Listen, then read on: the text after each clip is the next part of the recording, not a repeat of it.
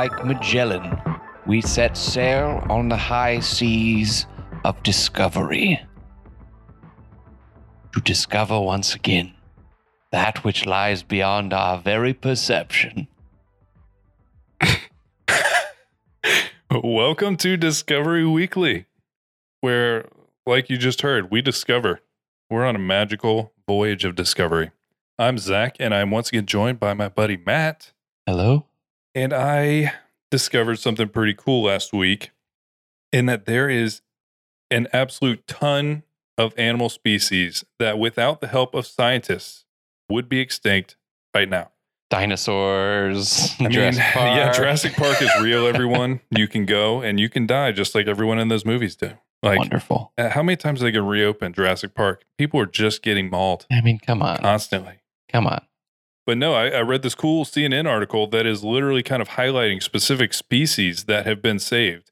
And one of the really interesting things about this is the amount of thought that has to go into not just like, oh, we don't want the animal to die, but how to reintegrate or essentially work them back into an ecosystem. Because give or take in any direction drastically like affects and changes an ecosystem. They have to consider all of that when they go into it. So there's probably like Red Wolf and stuff in there. Yeah, Red Wolf and uh, Oh. uh, Red Wolf is definitely in here. So they have this giant list of things. You know, there's uh, Eurasian lynx, there's Tasmanian devils, and they actually had a disease. Tasmanian devils were all getting a, a cancer that they called it devil facial tumor disease. They were all dying. Ninety percent of the population died because of a form of cancer that was contagious to them. But they were taken into essentially the, the lab. You know, they were conservation places that rebuilt this population and started to put them out, and they figured out ways to like they were trying to treat and vaccinate against this disease that was like wiping out the entire population. There was a type of Chinese alligator. There was bisons in England. Who knew? Steppe bison. There's a Arabian oryx. A- Arabian oryx. Um, what? Are, it, wait, what, what are uh, oryx? it looks like a antelope kind of. Oh, okay. Long, okay. like uh, essentially a deer with really long antlers. By the way, I really like the way Eurasian is like really funny because you're like, you got Eurasian uh, thing. Sounds like you are Yeah. Asian. You got Yeah. your Italian. you got your. Italians, you got your Eurasians. But then essentially, um, they also did rhinos, and rhinos they drop into new territory by helicopter while hung upside down. So it's like Operation Dumbo Drop, but different. What? Um, one of the cool ones that I saw is they reintroduced gray wolves to Yellowstone National Park. Mhm, This one's so fascinating. And they had been gone from Yellowstone for 70 years, and it had huge effects across the entire ecosystem. The elk population expanded unchecked.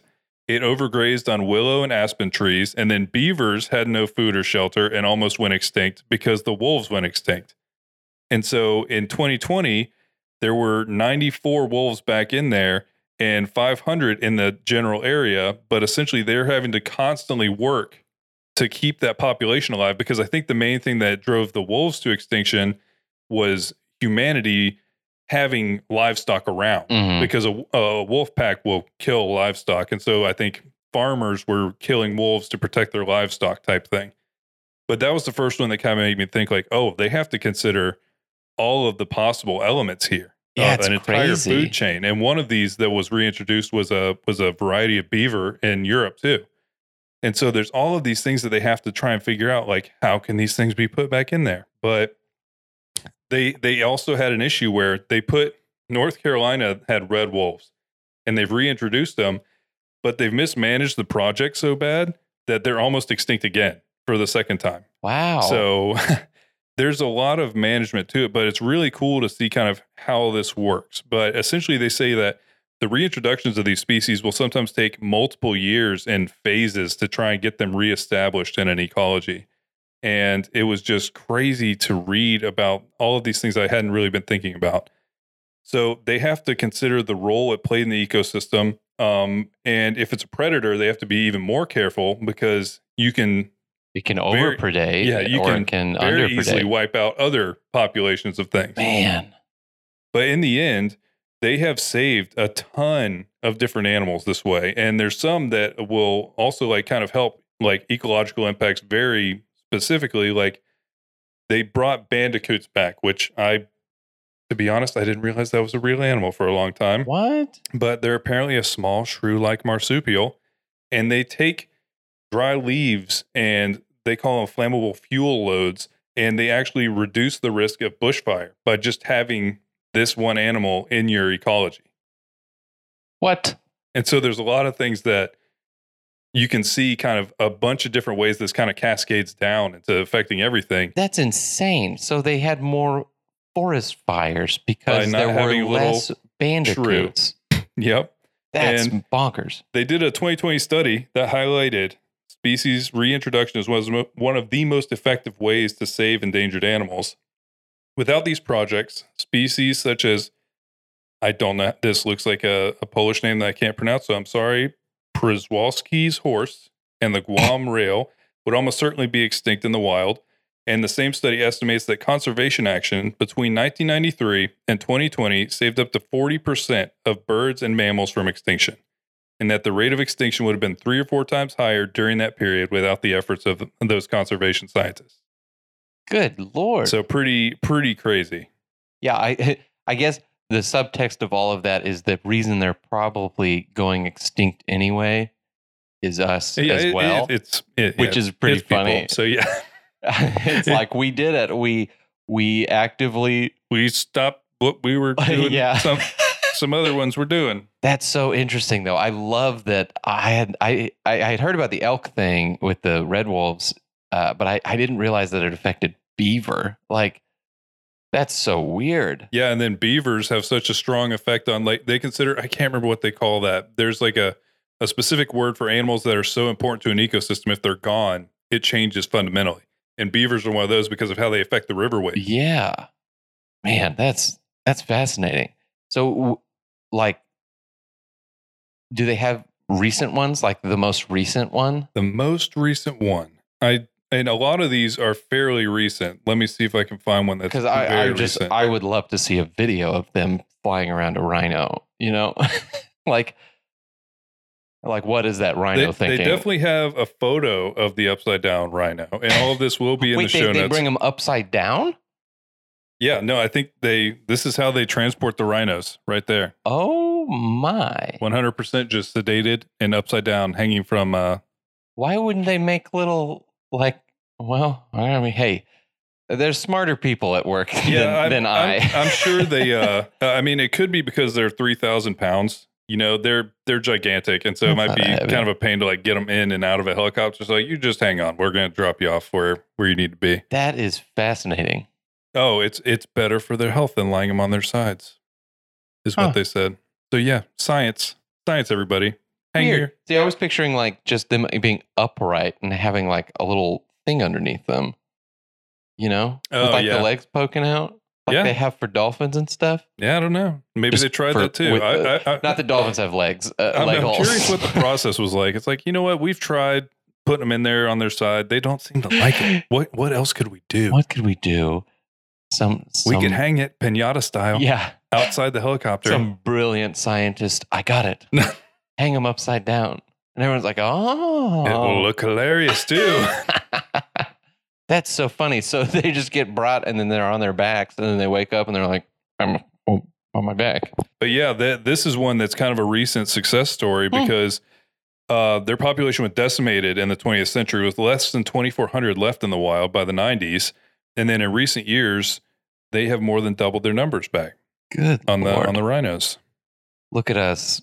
Look at us doing that. No, and it's a it's one of the silver linings of the whole pandemic is there are a lot of animals that have started to recover because people can't go do just people things everywhere. That is depressing. It is in a way, but it's but this is hopeful. I it's like yeah, everybody's staying home and not wrecking everything is great sometimes. Hey, whatever works for humankind, I suppose. But yeah, no, just uh, and generally a cool thing that science has helped doing save some save some species. Very nice. Well, uh, I have something that I would love to share. I just shared an episode with you. Uh, Mhm. it has nothing to do with science. uh, it has nothing to do with furthering I don't the know. humankind. It, it might it might have to do with science. Who knows? So recently, there has come out on Netflix a show called Aunty Donna's Big Ol' House of Fun. It's a very wacky, weird show with three guys who are like tight knit group, comedy group, and they kind of came out of nowhere in the United States, at least. It just Mhm. kind of released, and it was like, what is this? So of course I'm like, what is this? and I go through this whole thing. Aunty Donna has been been around since 2012 in Melbourne, Australia, Hmm.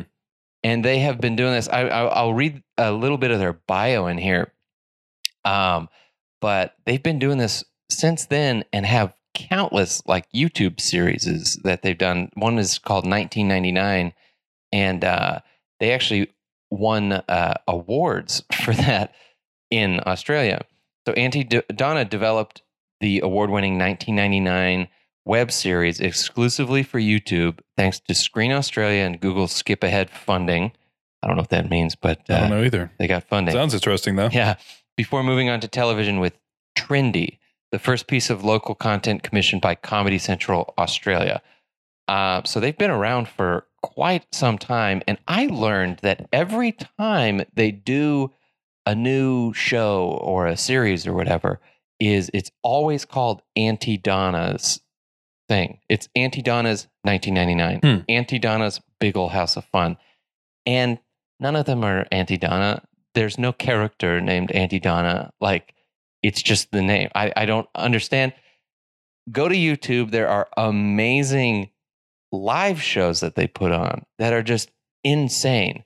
They're so insane. You watched the first episode with me. Yes, and it is wild, like absurdist craziness. Oh, it, It's so funny though. what's what's amazing to me is it's so contemporary with comedy in that they have these really strong jokes like really strong like the everything's a drum Mhm. sketch at the top the bit is everything's a drum until something happens you know and it gets dark you know uh like that's the overarching thing but around that they just build in all this insane stuff it's like uh his everything's a drum is the thing and they drum on his penis Yep. um there's there's a part where he's drumming on a toaster and just demolishing it Essentially, they destroy the house. yeah, they're destroy. The one guy punches a hole through the wall, and his hands all bloody when he pulls it out. Um, and it's like that's not really the bit, but they're building this weird thing around the bit, and it's very contemporary. And that's why I think Scott Aukerman from Comedy Bang Bang and Earwolf, uh, he produced this with Ed Helms, actually, Hmm. the Netflix series. Uh, and I, I think because they saw themselves in that comedy, like Comedy Bang Bang, the show on Netflix, just like it really does have the same humor Mhm. where it's just, again, they have the main bit and then they build around it these little one off things.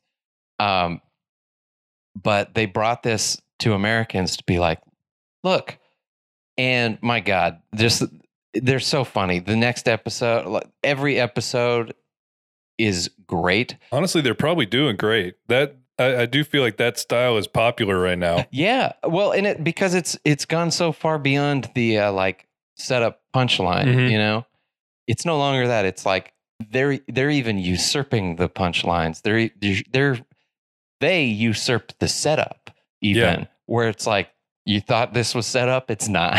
you know, you thought this was the punchline, it's not. You know, the whole thing is you, it leaves you wondering what the joke is, and then it ends, and you're like, my God, what a ride that was. And I'm trying to remember. I think they've built this entire thing just on like YouTube, essentially. Yeah, It feels like I read something on Reddit about like they were just kind of putting their stuff out there and getting a fan base kind of the slow, steady way.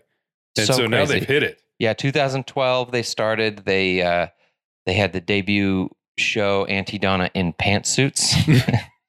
uh, Because uh, pantsuits is a great word. Yeah, and it was nominated for. And I didn't think they.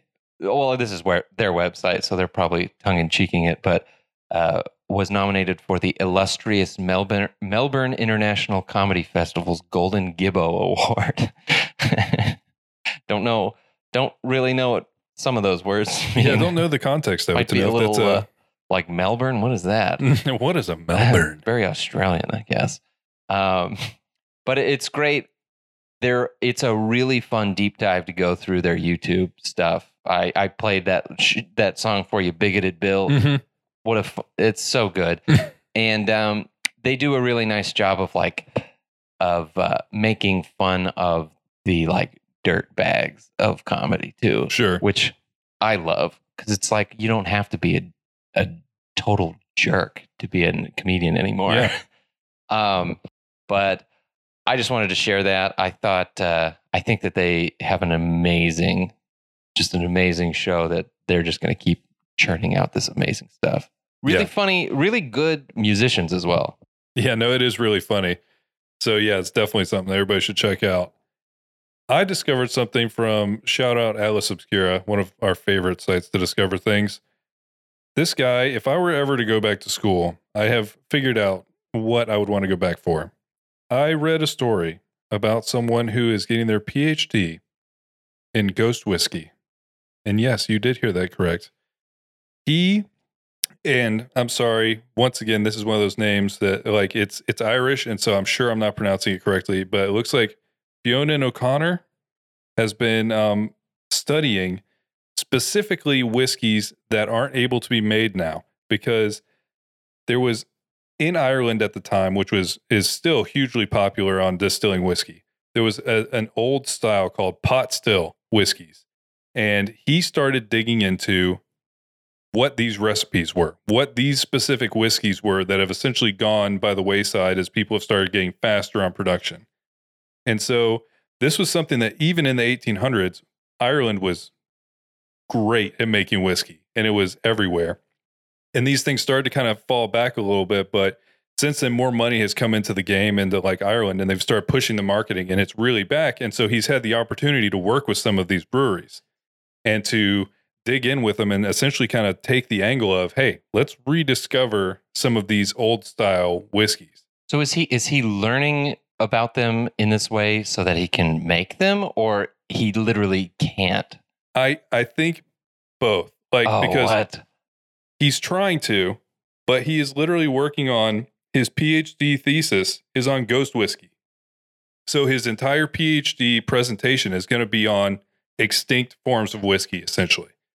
And i don't know what exactly degree lets you kind of get a doctorate in, in this but that's communications, what, I think. that's what he's doing.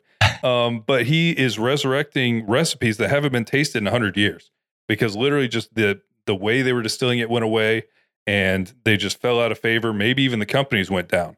And so he has spent a ton of time digging through old research and trying to find old recipes learn new dist- like distillation methods from things that are no longer like practical or the easiest way to do it and has done all of this just and he kind of just says because he loves whiskey. So he was uh, he was exposed to um uh, to drinking but essentially he was and i think it's a history a history degree because oh, that makes sense. he he basically he says that he was since he was old enough to drink he loved whiskey um but he was on a different career path 10 years ago he was studying medieval history and literature which okay. Well, Close. that kind of goes in you, there. you could see it yeah. there's there's drinking in both of those things. You can see it happening.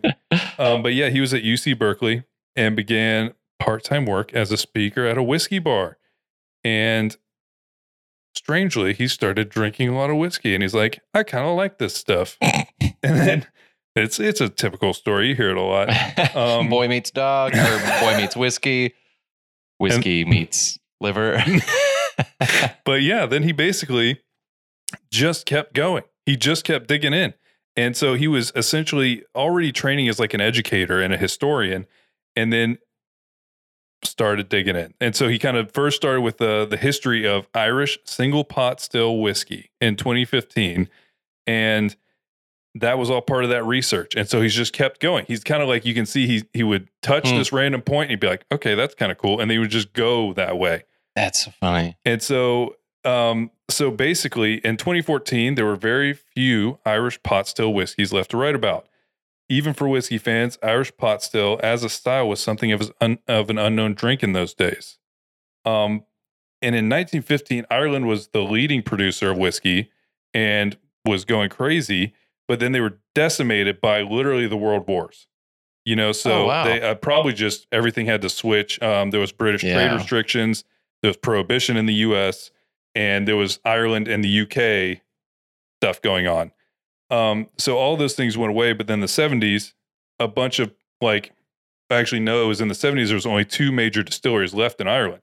But then in the late 80s, a French distilling firm put money back in. And so it restarted that entire industry Oh in wow. like in uh, Irish distilleries. Now they have back they're back up to 30 distilleries in Ireland compared to the two that but was they're, there. they're- but they're not doing that that Not type this of process style anymore. Ah. They're distilling whiskey, but he is doing like a 200 year old style of distilling that I'm sure they're all like, this is old and we don't want it.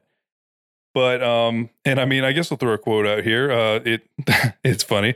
Um, when he was talking about using this specific style, and so he was uh, he was studying even like changes in mash bills. So it was like the whiskey to grain recipes for Okay. making the whiskey That's what I was curious about. um, and literally from 1760 to the 1970s.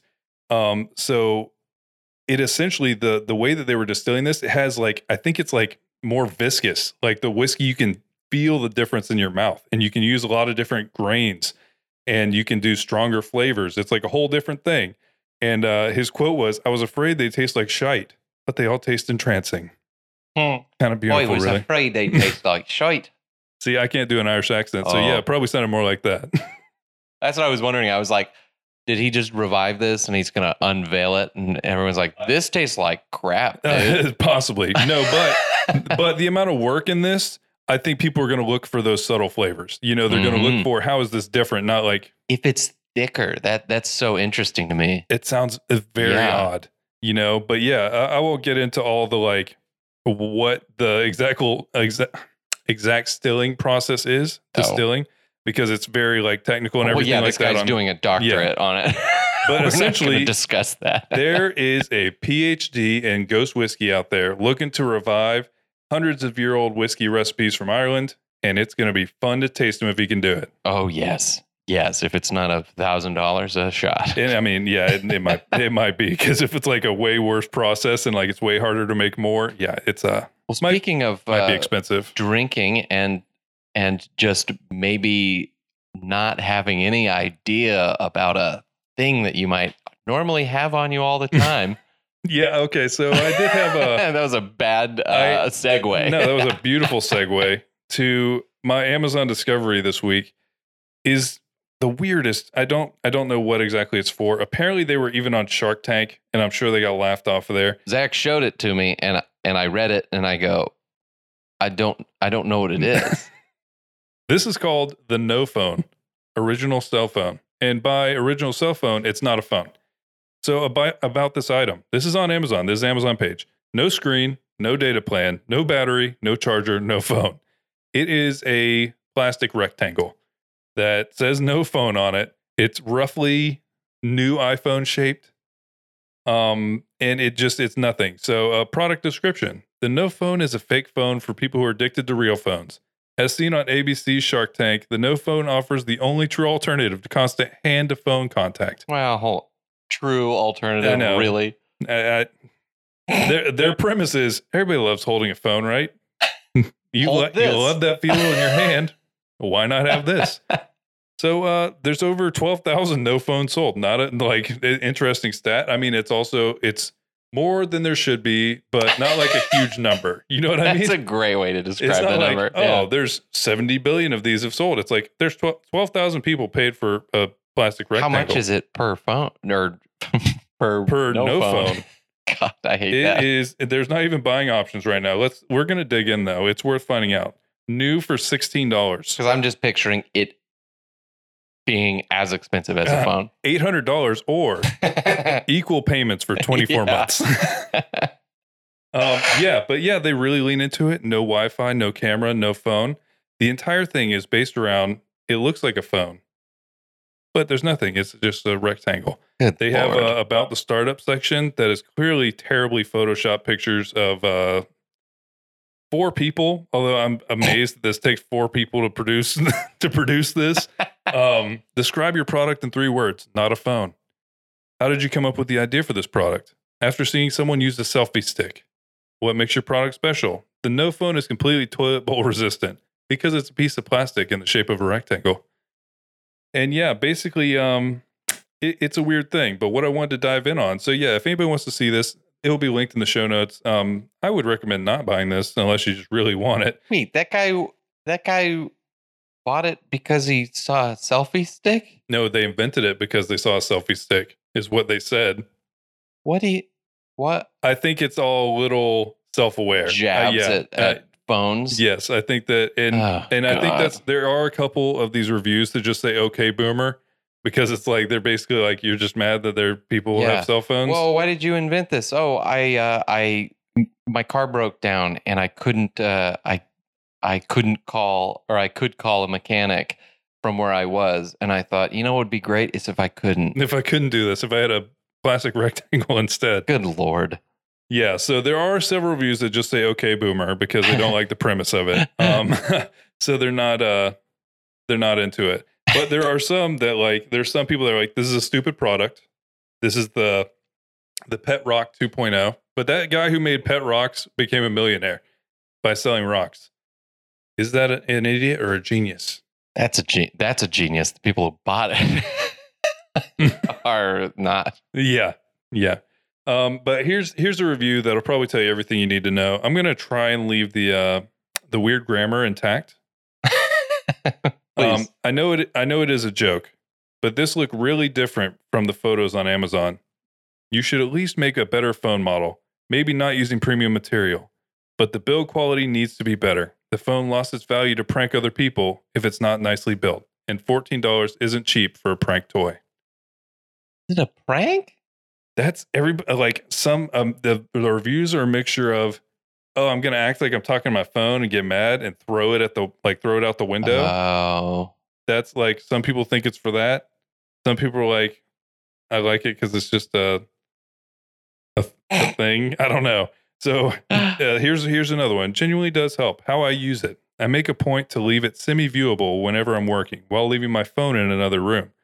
Then when I have the desire to pick up my phone and check some apps, I make sure to pick up the no phone as though to check it. This helps further break the conditioning of picking up the phone and using it for positive neurotransmitters.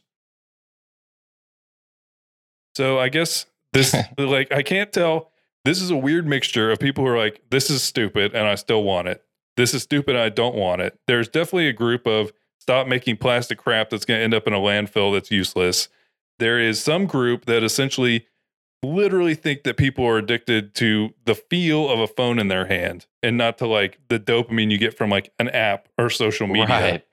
They're I think they're missing they're missing a thing. The the actual holding a phone's nothing. Yeah. Like Playing Candy Crush is the thing. Like getting the little the things. Yeah. Like wh- that guy who picks up the phone. Like, why wouldn't he just like put a pa- like do do uh, whatever. uh, index fidget cards spinner. there? Yeah, and then he picks up an index He's like, card "Oh, and goes, "Oh, this isn't a phone." I don't have Facebook on this. like you could literally not have anything there, and it would be the same thing. Oh, oh well, oh, I shouldn't. nothing. I'm working. Yes, But yeah, Oh, no, it's a this is a very weird cross section of consumers. Yeah, it's like the banana slicer. Yeah. like, but well, no, it well, really this is, not nearly as aware as the banana no, slicer. No, not Like, the reviews. yeah. but the yeah, it's like okay, I get it, but you don't But, need it. Yeah, you don't. And you don't technically need a banana slicer, but at least it slices bananas. Yeah, I guess that's a good point. This is nothing like banana It's like- slicer. it's a this has no function, unless it's a prank. Although I'm not convinced on how effective the banana slicer is at its chosen job, Yes. but it is a it is able to do it. Is there another review in there that's super great or anything? I mean, I'll, I'll leave you with this one. Kind of worked. Three star review. Now I'm, now I'm addicted to rectangles. that's good. Now that's a self-aware person. yes. Yes, I like that. I like that a lot. So yeah, if anybody wants a no phone, don't spend money on it, but you can at Amazon.com. Yeah, you know what? Don't don't spend it on Amazon. Hit, hit one of us up. We'll make you a no phone. Yeah, we'll make you a rectangle. It's pretty easy. Yeah. Just send us your address and 30 bucks and we'll send you something. 30 bucks. Uh, well, that uh, does lead us into uh, my final discovery today, and that was this awesome Instagram profile called Affirmations. And I say that weirdly because it is affirmations with three F's uh, on Instagram. And what makes this so great is it's a parody of mantras and uh, affirmations. Um, I repost them all the time. I think they're so funny. But we were talking about it and we were like, wait, where do affirmations even come from? So it brought us down a rabbit hole, as questions like that often do. Yeah. And we looked it up. Uh, so affirmations, this has it listed out like people have no idea what these are. but affirmations are essentially uh, the practice of positive thinking and self empowerment. And they usually take the form of short statements or conscious thoughts set in the present tense. It is Super take- interesting. yeah, it's taking it to the yeah, here's what it is. yeah. And, Never and heard it, of this. It also says that we usually repeat themselves to help in terms of like a no phone to re Yeah, really- really drive our it home. Yeah. yeah. Um, it says that cynics obviously exist, but that's because should Because they Uh, need more the- affirmations. yeah, but the history of affirmations is interesting. Uh, I'm just going to read this out. But uh, the father of affirmations is considered by many to be the French psychologist and pharmacist Emile Coué. I did say that correctly, I believe.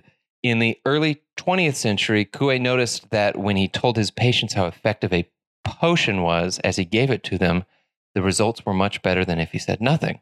He realized that ideas that occupy our minds exclusively become reality and developed a form of autosuggestion, asking his patients to repeat the words, quote unquote, every day in every way, I am getting better and better to themselves every day. Those are literally what he had on repeat. yeah, that's Hmm.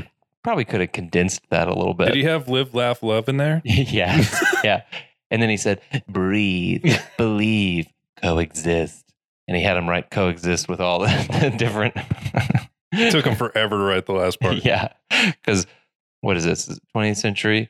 Yeah, didn't I don't even know if I don't know what all the things are, but um, Coué discovered that his methods didn't work if his patient, patients made an independent judgment about their affirmation, and he concluded that you really needed to believe what you were saying for it to come true. Hmm. So weird. Uh, so it's basically hypnotizing yourself is what th- this how it started is it's like you're convincing yourself of something Yeah, and it's like placebo effect a little bit. yeah yeah absolutely um but then whatever this this is on this is on talentedladiesclub.com i should say Bonus So- discovery right so there. So this isn't like you know we're not talking to doctors here we're talking about doctors we're Wait. doctor adjacent Doctor adjacent. um, These things are on Wikipedia. They can be confirmed. And this, I only bring that up because the next section is why some affirmations don't work. Mm. And I probably have a much more extensive list than the Talented Ladies Club does of why some don't. But uh, they have an, examples of um, of affirmations that are bad, poor affirmations. Um, these are funny. I'm supermodel, thin, and toned that won't work because when you look in the mirror and it tells you you're still carrying your baby weight, whatever, uh, and you haven't been to the gym for years, it takes you out. You can't be hypnotized with something that's just presented to you, right? Get rid of your mirrors. Yeah, Checkmate. get rid of your mirrors. TalentedLadiesClub.com tells you to get rid of all your mirrors. It doesn't say that. Uh, another bad example is I'm running a successful multinational business, right? Because if you're not, then you're not. Uh, you're not going to convince anyone or yourself of that.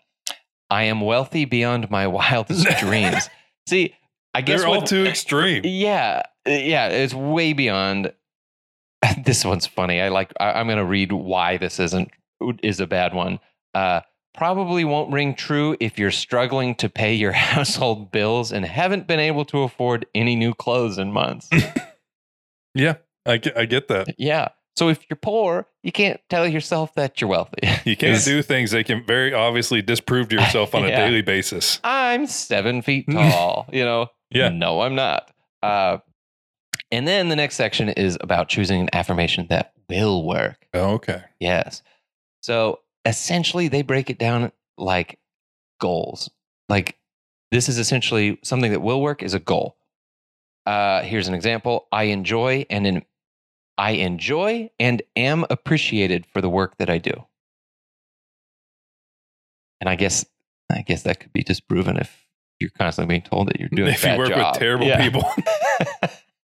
I am on a journey to owning my own business. Of course, if you're going Journey. to own a business, journeying. I respond to stressful situations with calm and wisdom. I feel like that person is probably not responding very calmly. if, if you're like, I just imagine somebody like about to lose it. I respond calmly. Yes. I am relaxed and confident in my job interview. Man, I love the idea that these are just getting more and more specific. I am happy and I enjoy doing all the dishes. What? That's Does it have to be this like? And and I mean, no one will ever say that in their own mind that they enjoy doing dishes. Yeah, right. But what about like, I'm going to get a hamburger today? Does that count as an affirmation? I don't know if that's an affirmation or just uh, Just a statement. just Just lunch plans. yes. Um, yeah, so it's it's super interesting. Um, and uh, at the end, it has a little start creating your own affirmations today. Uh, we believe that affirmations can and do work, like Dr. Coué. Uh, but we'd be wary of taking a one size fits all approach. That's pretty. That's a pretty good way to, to sum it up. Yeah. Talented Ladies Club. Yeah, that works. Uh, they continue on, but I'm going to stop there because that's a good place to sum it up. Now, back to the Instagram account. Um, they post slideshows on Instagram of about 10 affirmations that are totally made up. I, I hope. I, you know, uh, I think that it's meta enough. I you've seen Yeah. some of them. I, I think that it's made up. I sure hope. Um, but I'm going to in today's episode just reading through a few affirmations. so yeah, everybody, thanks for thanks for joining us. We'll talk to you next week, and we hope you enjoy these affirmations to help you get through to next week. I am sane. I am sane. I am beauty blast. I only attract people that are good for me. Someone uses Instagram because of my content. I can invent many new crazy things. True love is right around the corner. All my hard work is now paying off. I am clean teen. I'm attractive and attracting beauty. And lastly, so far this week truly has been memorable. It really has. Goodbye, everybody. This was a podcast from the Podfix Network. You can check out more shows like it at podfixnetwork.com.